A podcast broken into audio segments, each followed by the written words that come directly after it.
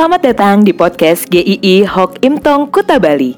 Penginjil Ray Reginaldi akan membagikan renungan harian singkat untuk membawa Anda mengenal dan menyembah Tuhan Yesus, bertumbuh dan menjadi murid Kristus, serta berdampak untuk banyak orang.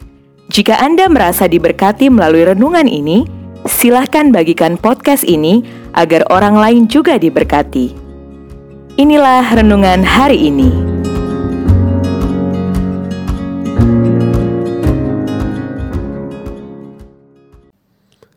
Demi Kristus. 2 Korintus 5 ayat 15. Dan Kristus telah mati untuk semua orang, supaya mereka yang hidup tidak lagi hidup untuk dirinya sendiri, tetapi untuk Dia yang telah mati dan telah dibangkitkan untuk mereka. Ada sebuah film yang saya tonton. Di film itu dikisahkan ada seorang remaja laki-laki hidup di pulau kecil di mana mayoritasnya adalah orang Kristen termasuk di keluarga remaja ini. Neneknya orang Kristen, ayahnya juga orang Kristen. Mereka ke gereja, mereka memiliki Alkitab, dan ada kalung salib yang melingkar di leher ayahnya.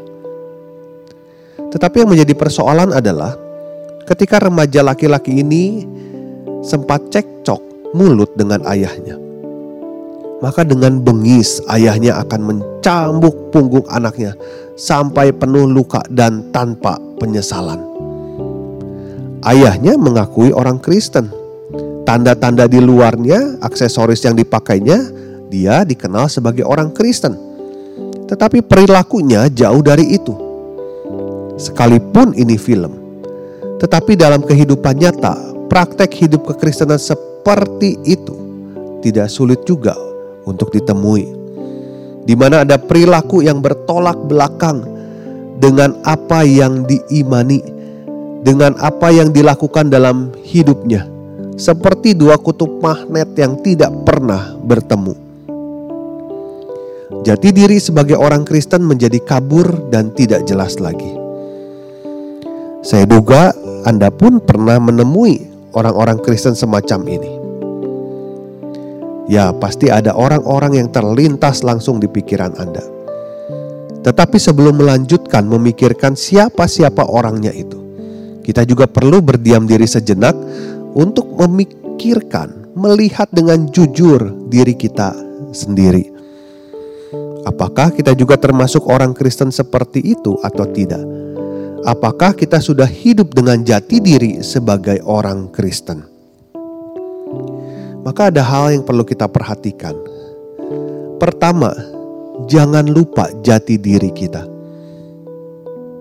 Rasul Paulus pun melihat cara berpikir dan perilaku jemaat Korintus tidak sesuai dengan apa yang diimaninya. Mereka mengabaikan hal yang paling penting tentang jati diri orang percaya mereka memandang sebelah mata kepada Rasul Paulus karena dalam pelayanannya banyak mengalami penderitaan dan bukan kemakmuran. Padahal Kristus sudah memberikan hidup kekal yang begitu berharganya, yang diberikan karena Dia telah mati dan bangkit. Ada perubahan yang mendasar yang dimiliki orang percaya dari kematian berubah menjadi kehidupan. Rasul Paulus mengatakan ini bahwa hidup orang percaya adalah milik Kristus sebuah kehidupan yang begitu berharga. Ketika kita mengabaikan jati diri sebagai milik Kristus, maka akan mempengaruhi seluruh kehidupan kita. Kalau kita lupa bahwa kita adalah orang yang berdosa tadinya dan diselamatkan dengan darah yang mahal, darah Tuhan Yesus, hidup kita akan tidak sejalan dengan apa yang Tuhan kehendaki. Yang kedua yang harus kita ingat adalah arah hidup kita. Jati diri itu akan menentukan dan mempengaruhi seluruh kehidupan kita, pikiran dan perbuatan kita. Ketika kita sudah ada di dalam Kristus, barulah kita bisa hidup untuk Dia. Jangan dibalik urutannya. Kita tidak bisa berkata, "Saya akan hidup untuk Dia," padahal kita tidak mengenal dan kita tidak percaya sungguh kepadanya. Seperti yang dikatakan di dalam ayat yang ke-15, orang yang telah ditebus Kristus tidak boleh hidup hanya untuk dirinya sendiri, tetapi untuk Kristus yang telah mati dan telah bangkit.